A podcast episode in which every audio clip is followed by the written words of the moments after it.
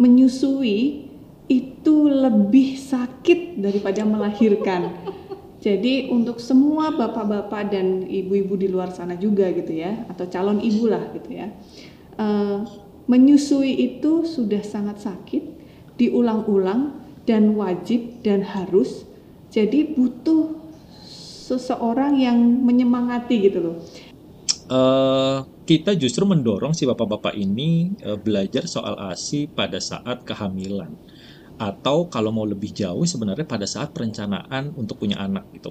Kenapa? Karena sering kali e, pembagian tugas ini di rumah gitu misalnya itu belum pernah belum belum, belum pernah terjadi ya. Maksudnya jarang diobrolin gitu. Hmm. Karena merasa sudah sama-sama dewasa, sering kali nggak diobrolin gitu. Padahal hmm. ada banyak hal yang harusnya diobrolin soal uh, ganti popok mau apa enggak, soal cuci piring mau apa enggak, uh, atau soal SOP ngurus uh, anak misalnya.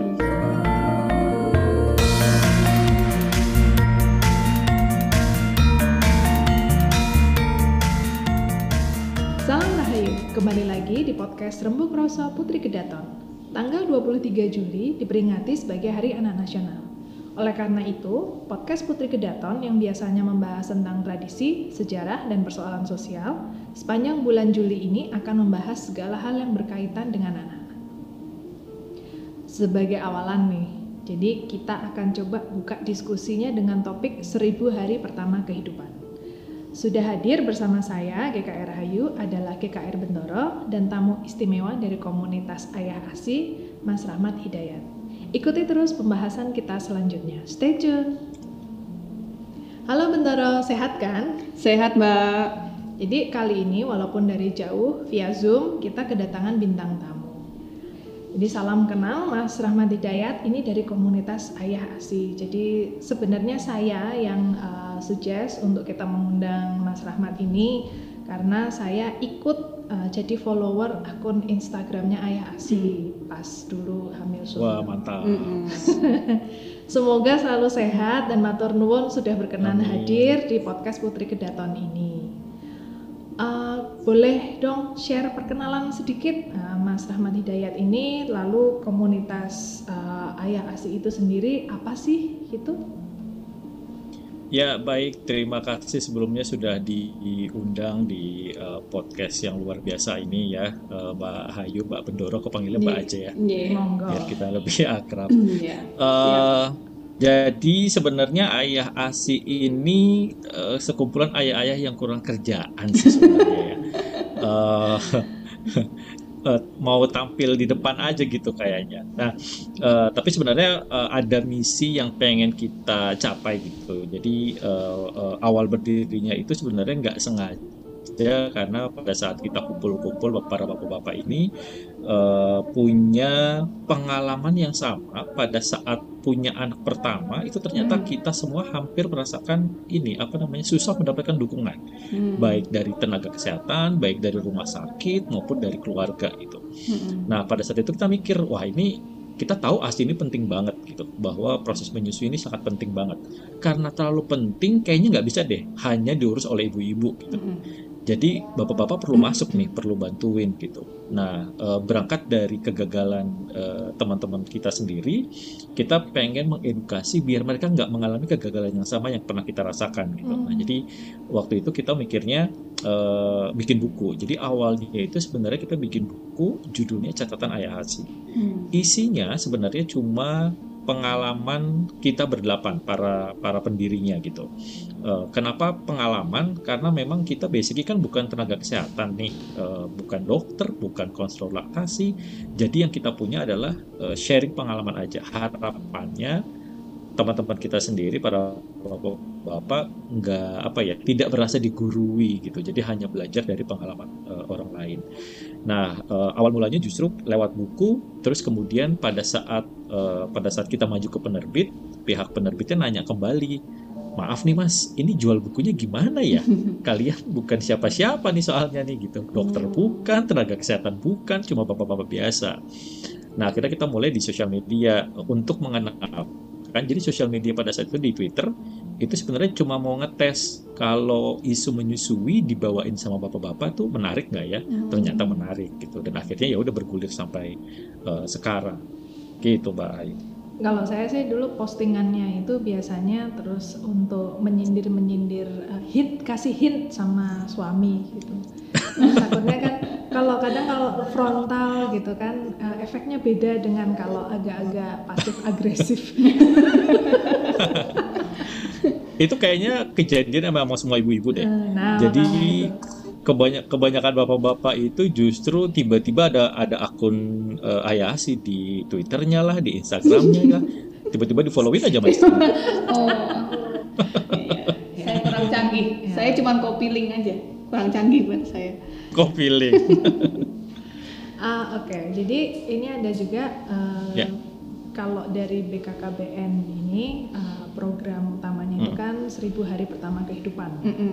Jadi mungkin sebagian pendengar podcast sudah familiar, tapi barangkali juga ada yang belum mengetahui. Mungkin Bendoro karena Bendoro juga terlibat di uh, back organisasi BKKBN secara besar, meski fokusnya di UMKM-nya ya. Betul. Tapi mungkin sebagai flagshipnya BKKBN ini bisa share sedikit nggak untuk seribu HPK ini? Iya, jadi 1000 HPK itu kan memang dari uh, si dari kehamilan ya, masa kehamilan sampai si anak itu berusia 2 tahun gitu. Hmm. Jadi itu masa emasnya gitu kan. Uh, di mana uh, sekarang ini Dr. Hasto, kepala BKKBN itu sedang uh, menggaungkan besar-besaran nih. Jadi uh, seharusnya seorang suami istri itu tidak hanya memikirkan ya wes ayo nikah kapan nikah kapan nikah gitu ya tapi sebelum menikah itu juga sudah harus mengetahui bagaimana uh, nanti uh, persiapannya gitu sebelum hamil itu sudah harus ada persiapan contohnya kayak uh, folic acid aja lah mbak nah hmm. itu kan sebenarnya hal yang simple pil itu cuma kecil banget gitu kan dan itu harusnya diminum tiga bulan sebelum masa uh, uh, apa konsepsi gitu kan hmm. jadi uh, itu itu membuat istilahnya kalau di di uh, dibikin istilah tuh ovennya tuh harus anget dulu sebelum bikin roti gitu lah. Adonan sebelum adonannya masuk. Uh, uh, kalau nggak kan bantet gitu kan. Okay. Nah jadi uh, dengan folic acid itu dikonsumsi tiga bulan sebelum konsepsi itu um, nanti janinnya itu perkembangan otaknya itu maksimal gitu karena pengembangan otak itu masa emasnya adalah di empat minggu pertama sedangkan kadang tuh uh, ya ini sedikit curhat gitu ya anak saya yang kedua saya taunya baru setelah lima minggu gitu kan. Ya ini contoh yang jangan ditiru. Jangan ditiru ya. Kalau anak saya yang pertama udah siap gitu hmm. kan. Anak yang kedua ya gitu. Nah jadi uh, lalu terkadang anak uh, susah makan dan lain sebagainya. Nah fun fact yang saya ketahui selama saya keliling ke kabupaten kota nih untuk hmm. perihal stunting adalah kalau pada saat si anak itu di masa enam bulan pertama itu dia uh, tidak asi eksklusif, maka itu me mempengaruhi nafsu makan.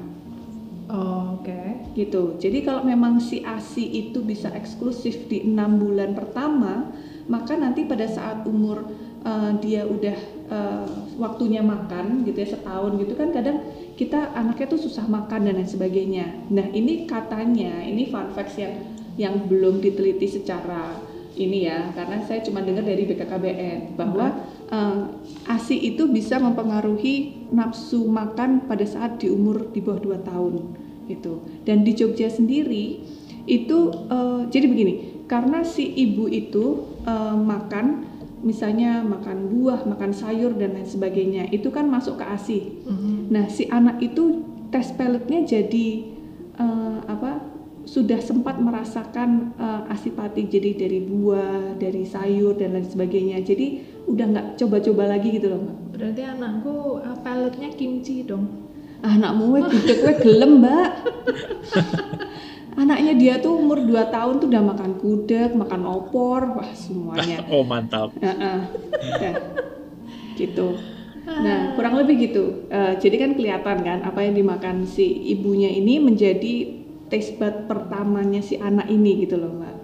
Misalnya kayak begitu. Nah uh, di Jogja sendiri ini uh, data dari 2018 ya itu ASI eksklusif uh, 6 bulan itu saja persentasenya masih cukup kecil mbak masih sekitar 40 persen gitu ya jadi kan sebenarnya uh, masih banyak sekali effort yang harus kita keluarkan gitu kan hmm. karena memang bukan hanya perihal uh, susah um, asinya keluar dan lain sebagainya gizi ibu. Tapi juga ada yang tempat kerjanya tidak mem, tidak memiliki fasilitas yang memenuhi gitu loh. Yeah. karena kadang uh, tempat kerjanya tuh tidak ada uh, mungkin oke okay, ada corner dia bisa untuk uh, ibu asi gitu ya tapi tidak ada kulkasnya tidak ada pendinginnya atau rumahnya jauh tidak ada yang nganter dan lain sebagainya. Nah ini yang bisa jadi permasalahan di lain dari kurang gizi kurang lebih gitu. Dan memang e, masa emas otak anak itu berkembang adalah di bawah 2 tahun.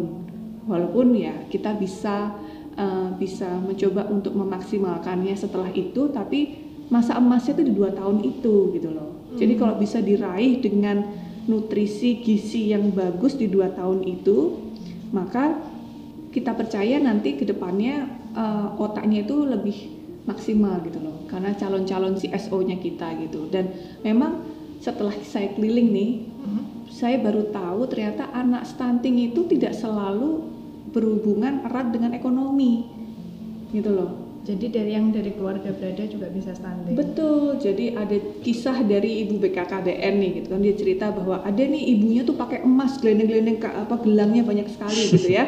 Tapi ternyata anaknya tiga itu stunting semua.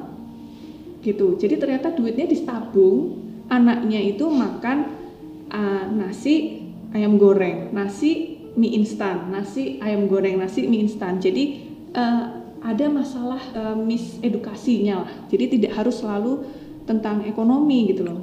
Bantuin anak-anak stunting itu tidak harus dari segi ekonominya, tapi dari segi edukasinya juga penting. Gitu.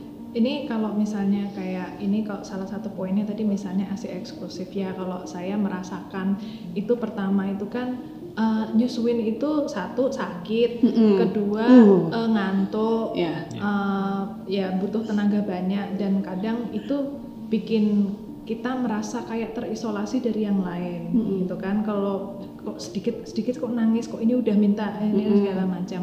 Nah itu baru urusan ASI eksklusifnya belum waktu itu kayaknya aku Suryo empat bulan tiga bulan aku udah mulai kerja mm -hmm. segala macam. Nah untuk dari hmm. jadi effortnya dari kita yang bu ibu itu kan juga sudah banyak. -hmm. Kalau menurut Mas Rahmat ini kira-kira secara in general dalam mendukung uh, seribu hari seribu HPK atau persiapan sebelumnya, nah yang Pak Bapak ini kira-kira bisa harusnya itu bisa aware apa, bisa membantu apa, gimana kira-kira? Ya, mungkin aku nambahin dulu tadi Mbak Bendorot soal uh, apa namanya uh, ASI yang mempengaruhi nafsu makan ya. Jadi sebenarnya memang memang sudah diteliti bahwa hmm. dalam ASI itu mengandung uh, mungkin kita nyebutnya uh, kalau bahasa Inggris itu ada taste ada flavor ya. Hmm. Uh, jadi mungkin kalau di Indonesia ini aroma kali. Jadi kalau ibunya makan gudeg, asinya ada aroma gudeg. Ah, kalau ibunya makan durian kalau ibunya makan durian asinya ada aroma durian gitu dan lain sebagainya. Itu kenapa disarankan ibu makan uh, sesuai dengan pedoman gizi seimbang dan bervariatif biar ketika mulai uh, makanan uh, MPASI dia sudah nggak udah nggak aneh lagi gitu. Oh dulu nih yang gue rasain gudeg nih gitu. Hmm. oh dulu nih ini begini gitu. Jadi itu yang yang sebenarnya uh, apa namanya uh, yang mempengaruhi di proses asinya gitu.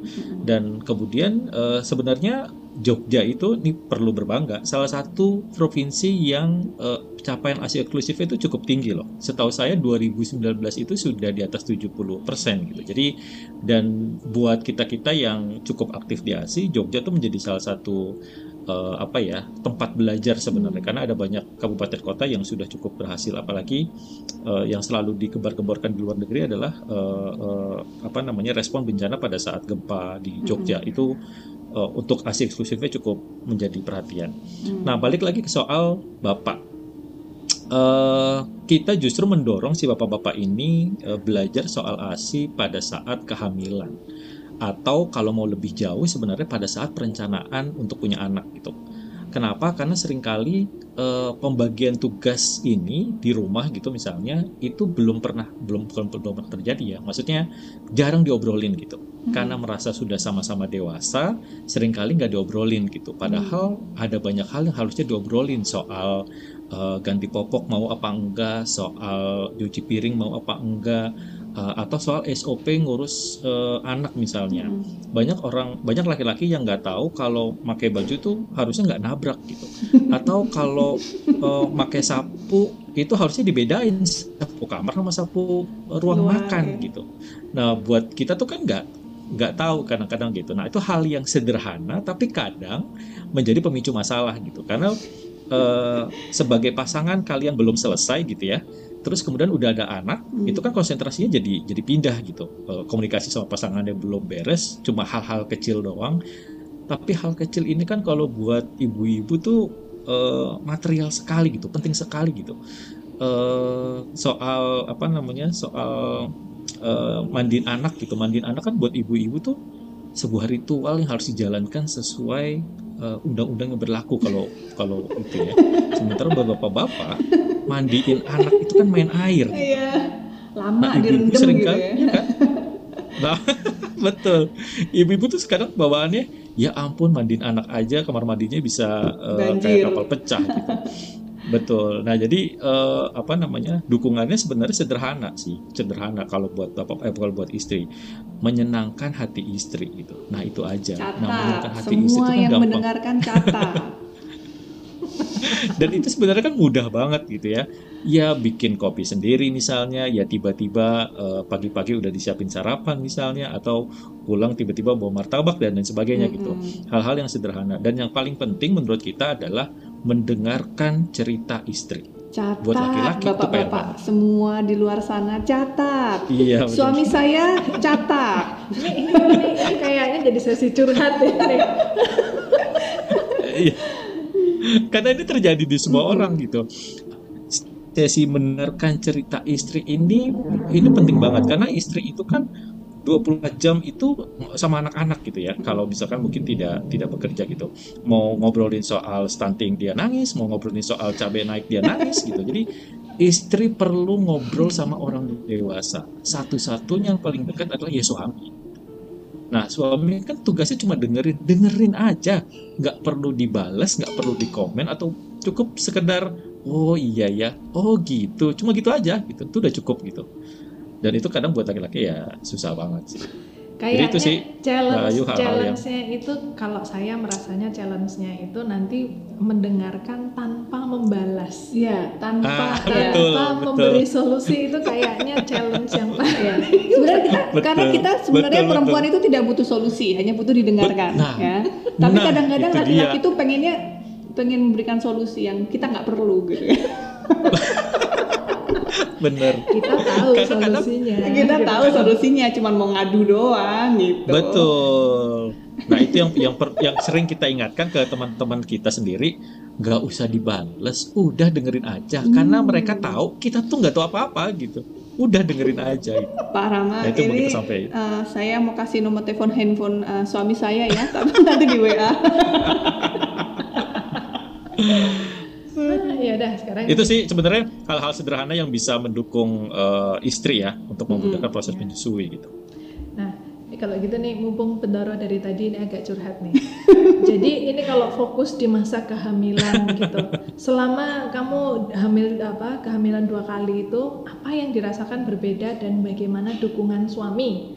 Hmm. nih gimana? Mau sekalian curhat atau mau dikat Enggak, tapi ini uh, mungkin tadi saya mau ngerespon sedikit. Memang yeah. selama saya hamil saya udah punya anak dua nih mas. Jadi okay. um, saya dua-duanya sesar gitu kan karena memang anak pertama tuh udah 10 bulan nggak keluar-keluar gitu kan udah mulai berkerut dan lain sebagainya. Jadi uh, anak pertama harus sesar. Nah um, masa kehamilan saya itu cukup cukup gampang bisa dibilang cukup enak gitu ya. Terus um, pada saat melahirkan pun ya sakitnya sesar itu kan ya segitu gitu tapi menyusui itu lebih sakit daripada melahirkan jadi untuk semua bapak-bapak dan ibu-ibu di luar sana juga gitu ya atau calon ibu lah gitu ya uh, menyusui itu sudah sangat sakit, diulang-ulang dan wajib dan harus. Jadi butuh seseorang yang menyemangati gitu loh. Tapi ada juga yang bilang gini, e, biar asinya lancar, itu bapak itu pada saat uh, si ibu menyusui gitu kan, bapaknya ngelus-ngelus punggung. Itu saya coba saya gini, nggak usah, nggak usah, nggak usah. Kalau aku lagi menyusui, kamu jauh-jauh aja. saya bilang gitu sama suami saya. Malah asi saya nggak keluar kalau kamu gitu, udah jauh-jauh aja saya jadi uh, ya memang uh, suami saya juga kerja dari pagi sampai malam, kadang malam masih ada organisasi dan lain sebagainya. Nah tentu juga kesibukannya sangat-sangat uh, apa ya sampai malam dari pagi sampai malam terus gitu ya. Dan akhirnya tapi memang ada momen-momen yang aku minta untuk oke okay, ayo dampingi gitu loh si anak gitu main sama anak. Tapi uh, saya nggak tahu nih uh, nanti saya coba ini ya saya minta pendapat Mas dan juga Mbak Ayu juga karena saya mengerti bahwa si bapak tidak bisa jadi seperti ibu dan ibu juga tidak bisa sefun bapak gitu loh. Uh, jadi si bapak itu tidak bisa yang ya tadi itu maksudnya secara detail uh, matchingin baju gitu kan. Itu karena itu harus ada extra skill yang dipelajarin dan tidak bisa se se-strict ibunya yang ayo kalau makan nggak habis di ini, ini terus pokoknya ini ini ini se seperti bagaimana kita kalau bawel sama anak gitu ya uh, atau protektif kepada anak. Tapi kalau bapaknya tuh lebih kepada fun. Ya. lebih kepada fun jadi berteman sama anaknya. Okay. ya nggak sih? Nggak ya? Bukan aku lagi mikir oh kayaknya di aku kebalik. Hmm, gitu ya karena ini yang uh, uh, experience yang aku sama Ubay adalah ya udah uh, uh, dia tidak bisa menjadi yang yang ya istilahnya seperti ibunya anak-anak seperti aku gitu loh mbak. Dan aku juga nggak bisa se-fun seperti dia ke hadapan anak main yang gimana gitu yang jungkir balik dan lain sebagainya gitu. Terus aku mesti aduh ntar jatuh ntar aku yang mijetin anak-anak ntar ini ya udahlah gitu ya kurang lebih gitu tapi kalau suami saya tidak bisa dikategorikan tidak terlalu hands on kepada anak karena dengan kesibukannya dan lain sebagainya ya itulah Jadi apa? Ini ini mau minta dikomentari kamu? Enggak, enggak. Tadi kan katanya minta pendapat. Ini cuma sesi curhat oh. sedikit gitu kan. Sesi curhat. Ha -ha. Yang nanti saya mau kasih nomor telepon suami saya supaya langsung di DM langsung gitu loh, di WA langsung gitu kan tips and trick. eh jangan deh jangan jangan nggak jadi mas nanti kalau gitu terus dia bilang ini sudah dapat trik and tipsnya untuk punya anak ayo punya anak ketiga gitu kan malah repot dah nggak usah nggak jadi nggak jadi nggak jadi ya udah sekarang saya tanya dulu Mas Rahmat ada yang mau ditambahin nggak itu curhatan adik saya iya Iya, tadi kalau soal soal sakit menyusui memang jadi gini, menyusui itu harusnya menyenangkan, ya. Jadi harusnya tidak sakit. Kalau sakit berarti ada hal yang uh, kurang kurang tepat gitu ya. Biasanya memang pada pelekatan. Jadi uh, pelekatan mulut bayi ke payudara itu mempengaruhi uh, apa namanya mempengaruhi proses menyusuinya. Nah biasanya itu yang belum uh, belum benar dan itu umum terjadi pada ibu baru melahirkan karena kan biasanya baru baru pertama kali menyusui dan lain sebagainya gitu makanya selalu kita sarankan uh, apa namanya uh, uh, cari bantuan ke konselor laktasi nah itu yang kita harapkan sebenarnya dari dari pemerintah atau dari rumah sakit tempat melahirkan uh, harusnya didukung. Ibu yang baru melahirkan harusnya diajarin cara menyusui gitu.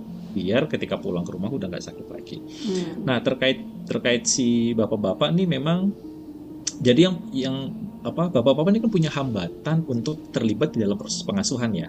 Baik itu adat istiadat baik itu pola asuh masa lalu. Dari kecil kan kita emang diajarinnya untuk kerja keras gitu, untuk mm -hmm. bekerja buat keluarga kamu, mencari nafkah dan lain sebagainya gitu. Di doktrin dan, seperti itu ya?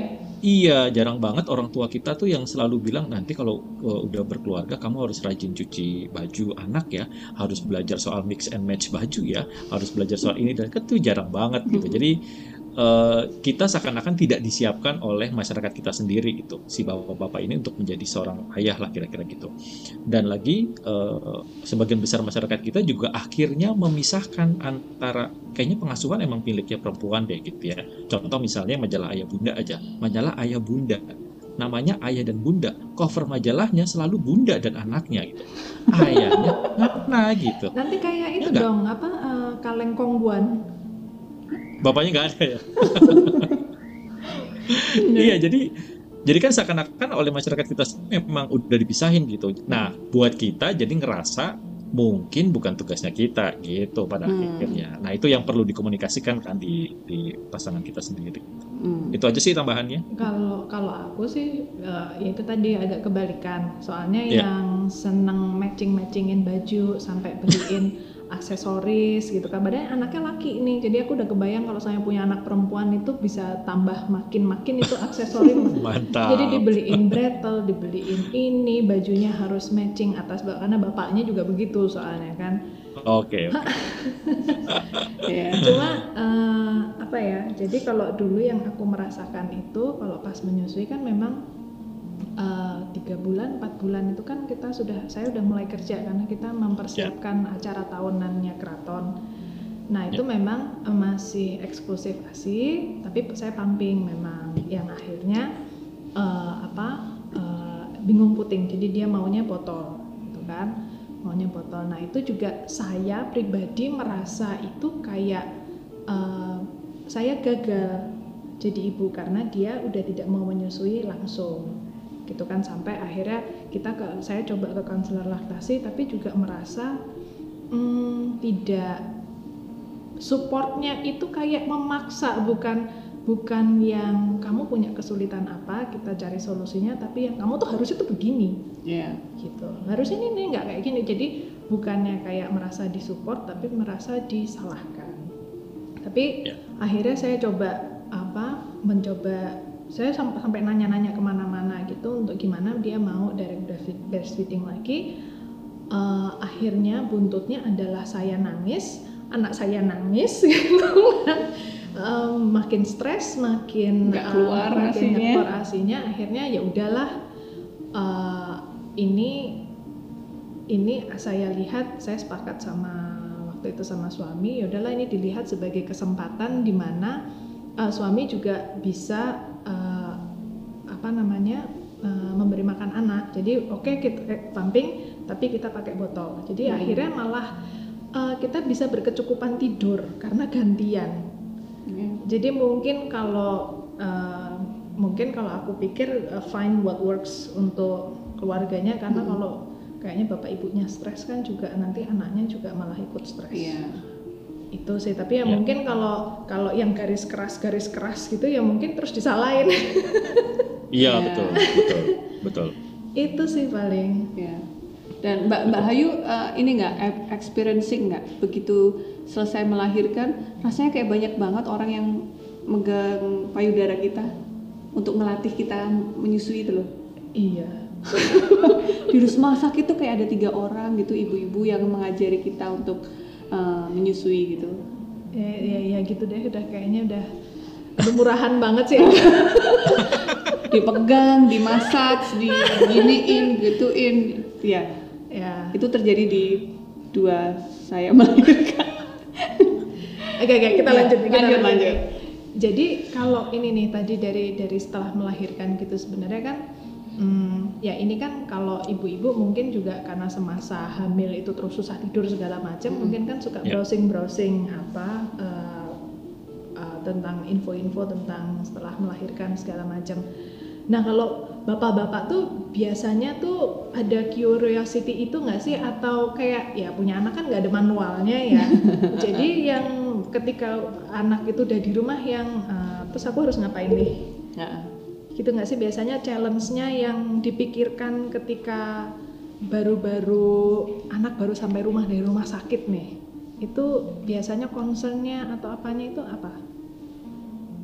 Iya, kalau dari bapak-bapak sih umumnya eh, kesempatan untuk bantuin istri ya, eh, karena kan eh, biasanya cuti melahirkan buat ayah itu cuma dua hari, tiga hari gitu ya. Hmm. Harapannya sih sebenarnya kita punya waktu yang lebih panjang gitu, Hmm, bisa seminggu atau bisa dua minggu gitu, karena pada saat melahirkan tuh istri itu kan eh, ups and down banget ya, Ya, maksudnya hormonnya apa, juga masih em- belum ini ya. Iya stabil. betul. Udah gitu belum tantangan menyusunya tadi, yang Mm-mm. sakit lah, yang itu dan sebagainya gitu. Dan apa, sering kali banyak eh, komentar di Instagramnya Ayasi itu eh, tantangan utamanya ada di mertua atau di orang tua gitu, yang kemudian terlalu memaksakan Iya. misalnya gitu. Padahal Mm-mm. ini sakit sebenarnya gitu dan Iya. lain sebagainya. Nah, kita harapkan sebenarnya yaitu tadi andaikan bapak-bapak punya waktu lebih berada di rumah setelah melahirkan, itu kan bisa ngebantuin. Minimal misalnya bisa bisa mencari konselor laktasi atau bisa ngejagain eh, mertuanya lah paling tidak gitu ya biar nggak terlalu that's Iya.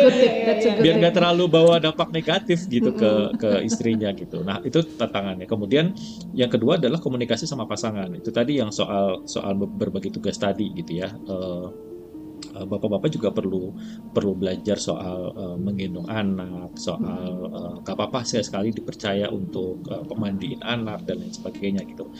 Eh, SOP-nya sering kali kan berbeda sama ibunya gitu. Iya. Eh, jadi kita harapkan sebenarnya para ibu-ibu, para istri-istri, tolong turunkan sedikit eh, Standarnya. apa namanya fleksibilitas eh, standar SOP-nya gitu. Nggak apa-apa kalau misalnya sabun dipakai juga buat sampo nggak apa-apa gitu. Atau bajunya terbalik atau eh, tabrakan nggak apa-apa. Nah itu yang yang menurut kita sih agak agak penting. Karena sering kali kalau karena kan begitu menyusui kadang eh, kurang istirahat gitu ya Eh, mungkin Iya. makan juga kurang gitu nah kurang istirahat lapar itu kan emosinya jadi semakin tinggi gitu Mm-mm. dan bapak belum lagi eh, tetap bekerja kan pagi sampai sore pulang ke rumah nanti malah malah berantem nah itu kita harapkan sebenarnya justru komunikasi sama pasangan itu menjadi tantangan di situ Iya. Oke, nah ini ini masih sedikit menyambung asi eksklusif tadi.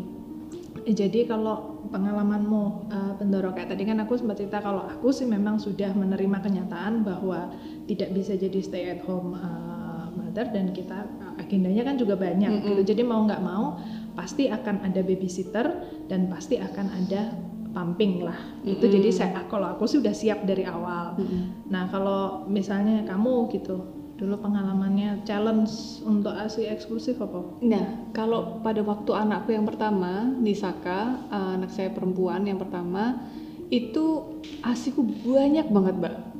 Em, sampai anakku itu eh, bisa dibilang overweight. Jadi tiga bulan tiga bulan itu udah 9 kilo, Om, gitu kan?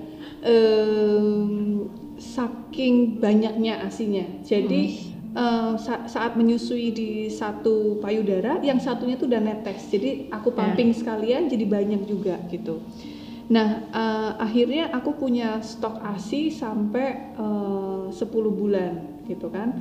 Terus eh, eh, jadi cukup banyak gitu. Nah, anak saya yang kedua itu jauh berbeda. Jadi setiap anak itu mungkin mm, ya situasinya beda ya karena jaraknya 4 tahun saya merasa memang mungkin se- mm, nggak tahu deh umur juga berpengaruh apa tidak situasi eh, di rumah dan lain sebagainya itu juga saya rasa mempengaruhi eh, situasi hormon saya dan lain sebagainya gitu ya. Jadi pada waktu anak saya yang kedua itu sangat sangat sangat sangat sulit eh, asi saya tuh cukup untuk Radityo. Anak saya yang kedua laki-laki mas. Nah em, Mhm. sampai udah dua payudara pun dia masih belum kenyang. Jadi akhirnya saya juga bag- eh, karena masih menangis dan kelaparan dan akhirnya eh, berat badannya tidak naik dan naiknya hanya dikit-dikit dan lain sebagainya. Apa kalau anak saya yang pertama tuh setiap minggu naik 500 gram gitu kan. itu kebanyakan sih. nah sedangkan anak saya yang kedua setiap minggu ya? Setiap minggu dulu ya bayangin aja mas. Tiga bulan udah 9 kilo udah tiga kali berat lahir. Gitu. Iya, kan sedangkan biasanya kan empat bulan tiga kali berat lahir. Nah anak saya ini yang kedua itu kurus gitu kan. Naiknya tuh hanya 150 gram 200 gram gitu kan. Jadi uh, akhirnya sampai dokter menyarankan untuk disambung dengan uh, susu formula. Dikarenakan asinya memang uh, tidak mencukupi. Nah um, ditambah dengan dia tahu kok anaknya masih nangis kok nggak bisa nyusuin dan lain sebagainya dan lain sebagainya? Semakin nggak keluar asinya gitu kan. Semakin anaknya iya. nangis kan semakin dia berontak semakin akunya juga nangis. Gimana sih nah ini nggak bisa keluar. Kamu kok nggak kenyang kenyang gitu gitu kan. Jadinya uh, uh, itu kayak snowballing gitu loh. Dan akhirnya uh, ya sudah saya juga harus menerima kenyataan bahwa ya sudah uh, saya saya memang harus pakai formula ya saya tinggal cari for, susu formula yang yang nutrisinya baik cocok dan saya uh, akhirnya uh, memutuskan untuk pakai ini dan lain sebagainya. Nah tapi juga ada kesulitannya. Nah anak saya yang pertama itu mau susu formula apa pun botolnya apa pun itu dia nerima. Anak saya yang kedua tuh mau saya pakai botol formula botol susu yang dari mahal sampai yang murah itu uh, penolakannya banyak banget gitu hmm. loh. Nah itu juga uh, saya pakai susu yang pasti soya itu ditapis sama dia gitu kan jauh-jauh susu formula itu di, yang soya itu ditapis sama dia jauh-jauh ya akhirnya ya udah akhirnya uh, setelah mencoba beberapa susu formula akhirnya dapet yang cocok yang ini dia maunya cuma satu botol itu jadi brand yang sama nih botolnya hmm. dia nggak mau pakai yang satunya aku beliin dua botol tuh nggak mau mbak dia cuma mau pakainya yang itu gitu loh. Sangat sangat spesifik anakku yang yang cilik gitu kan. Jadi uh, ada kisahnya sendiri dan itu ya, ya saya tetap mencoba untuk pumping sebisa saya gitu kan. Karena kan ada yang bilang bahwa kalau lagi pumping yang satunya juga pumping itu semakin banyak. Saya udah makannya tambah banyak asinya juga cuma segitu-segitu aja. Tapi uh, saya terus berusaha untuk pumping setiap dua jam setiap dua jam walaupun cuma 150 nggak nyampe kadang-kadang cuma 90 kadang tapi tak simpen aja lah gitu. Jadi uh, eh, yeah. begitu ada stok asi itu tak kasihkan. Jadi itu menjadi prioritas. Begitu ada stok saya prioritasin pakai itu. Nanti kalau kurang baru tambahan yang formula. Kurang lebih gitu lah mbak kisahnya. Jadi dua anak itu panjang ceritanya. Ini udah pakai sesi curhat udah sampai panas ini di sini ngomonginnya. Mungkin kalau Mas Rahmat, jadi ini kalau apa uh, apakah ada uh, apa ya actionable apa tips jadi yang yang kadang kan kalau uh, kita ngasih oh harusnya begini kurang lebih itu kita harus mendukung harus gitu tapi kan kalau enggak yang step by step by step itu kadang apa sih mendukung tuh dengan gimana caranya ya, gitu. Jadi yang dengan ngelus-ngelus punggung tapi nah tapi ada yang ngelus-ngelus punggung atau pas micetin tapi kan juga malah apa sih kalau bahasa Jawanya tuh griseni gitu kan malah gitu juga ada. Nah biasanya ada top tips and trick untuk mendukung pas uh, menyusui ini kira-kira apa untuk yang bisa bapak-bapak lakukan? Uh, yang pertama uh, sebenarnya tidak ada ibu yang gagal menyusui ya. Yang gagal adalah masyarakat yang tidak bisa memberikan dukungan gitu. Baik itu rumah sakit baik itu keluarga dan lain sebagainya gitu. Jadi tadi kan udah diceritain nih bahaya begitu bah Bendoro begitu uh, ada aja ketika perah misalnya ada uh, sekeliling kita yang bilang kok ini begini kok ini begitu akhirnya tambah stres gitu. Mm-hmm. padahal salah satu hormon yang sangat penting dalam menyusui adalah hormon oksitosin hormon oksitosin ini tugasnya adalah melancarkan ASI yang keluar.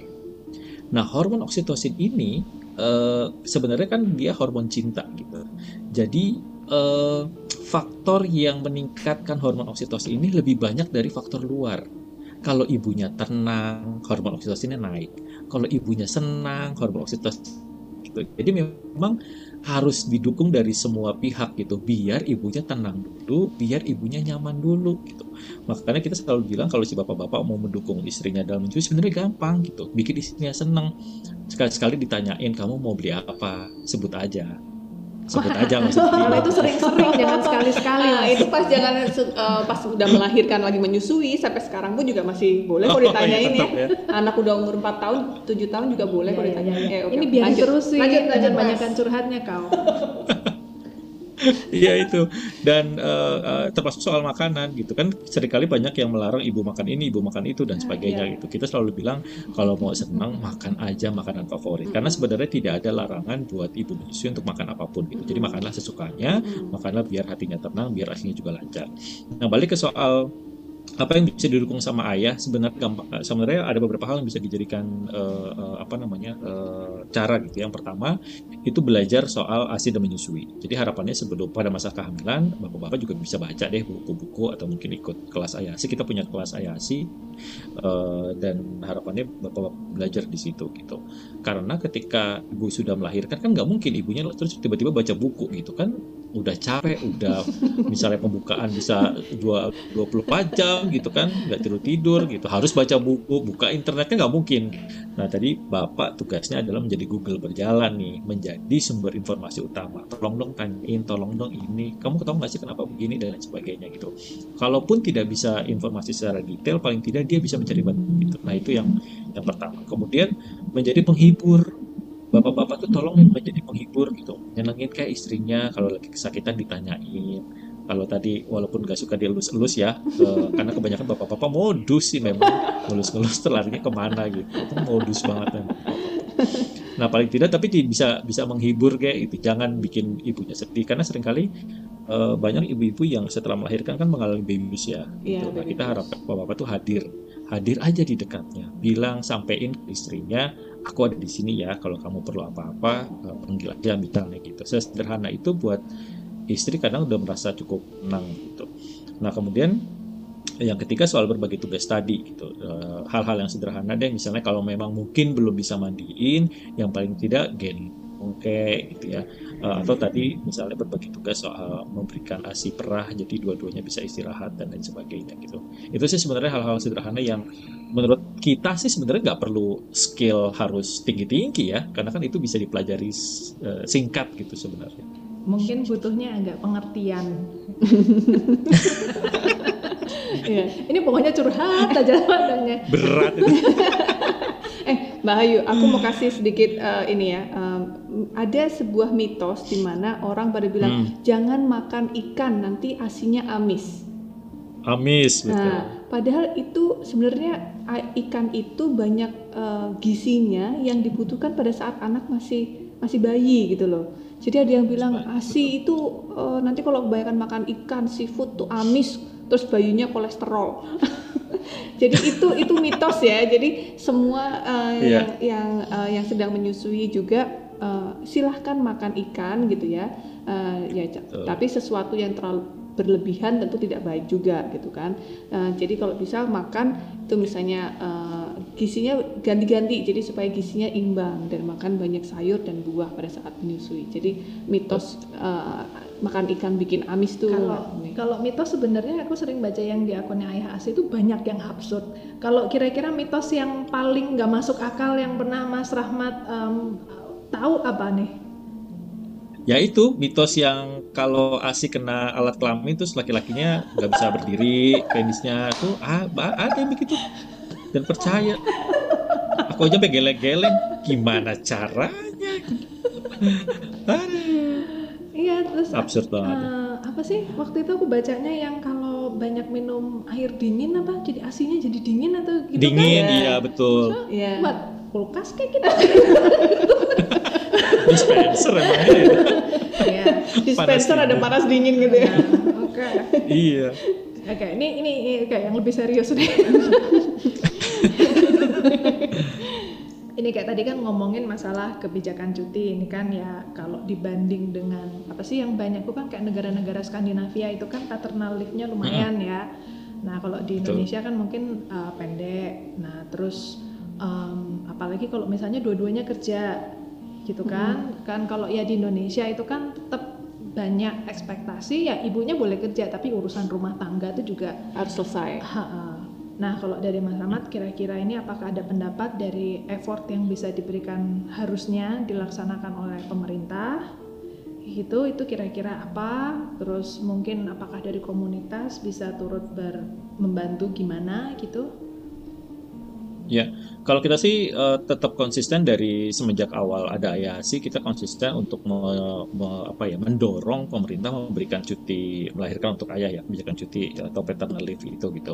Uh, gak usah banyak-banyak deh minimal dua minggu aja gitu uh, diberikan pada ayah karena pada masa dua minggu itu sebenarnya tadi sudah sudah aku sebutin uh, masa yang penting banget buat si istri merasa percaya diri sebelum si ayahnya kembali uh, bekerja misalnya dan hmm. itu uh, menurut kita sih penting banget. Kemudian yang kedua adalah dukungan tempat bekerja baik tempat kerjanya suami maupun tempat kerjanya istri gitu. Jangan kalau misalkan sebentar-bentar oh anaknya sakit terus izin dan lain sebagainya gitu. Jangan dijulitin dulu gitu. Tapi ini kan masa-masa yang cukup penting. Uh, nah buat yang istri uh, waktu memerah asi juga kan tidak banyak perusahaan yang kita tahu misalnya hmm. punya punya yeah. apa namanya tempat ruangan menyusui gitu ya uh, survei yang pernah dilakukan teman-teman dari Asosiasi Ibu Menyusui Indonesia itu hampir 50% ibu-ibu yang bekerja pernah memerah asi di toilet. Gitu. Iya.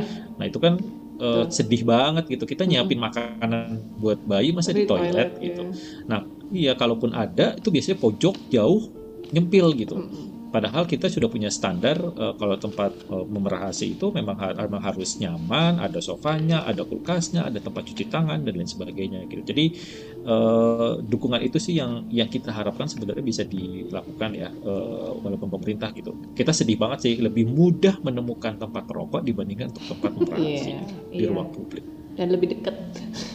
lebih dekat betul. Uh, Bendera ada input gitu misalnya atau BKKBN lagi berusaha apa atau dari komunitasmu?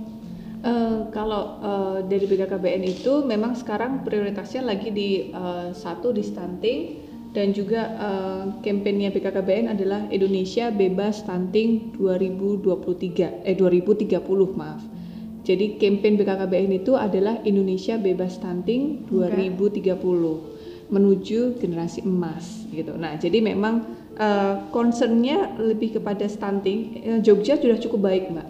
Jadi uh, tapi tentu cukup baik itu masih terus harus ditekan sampai nol ya. Hmm. Karena di, Jog di Jogja ini sudah di angka 14% gitu ya. Di mana hmm. secara nasional itu masih di angka 20-an gitu. Okay. Nah, ini sedang ditekan gimana caranya um, target dari pemerintah itu 17 jadi sebenarnya kita udah di bawah, tapi bagaimana caranya kita menekan sampai nol kan begitu.